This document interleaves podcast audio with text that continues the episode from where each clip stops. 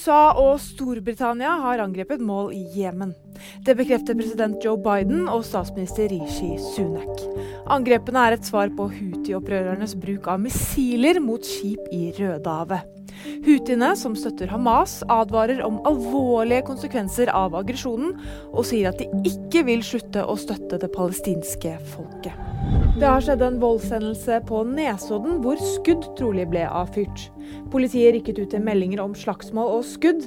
En mann er lettere skadet etter å ha blitt truffet av en prosjektil, og tre unge menn er foreløpig siktet for drapsforsøk. Lisa Marie Presleys selvbiografi utgis. Hun jobbet med en selvbiografi før hun døde, og nå fullfører datteren Riley Keough boken. Selvbiografien, som gir et innblikk inn i livet til Elvis Presleys datter, skal utgis 15.10. Vil du vite mer? Nyheter finner du alltid på VG.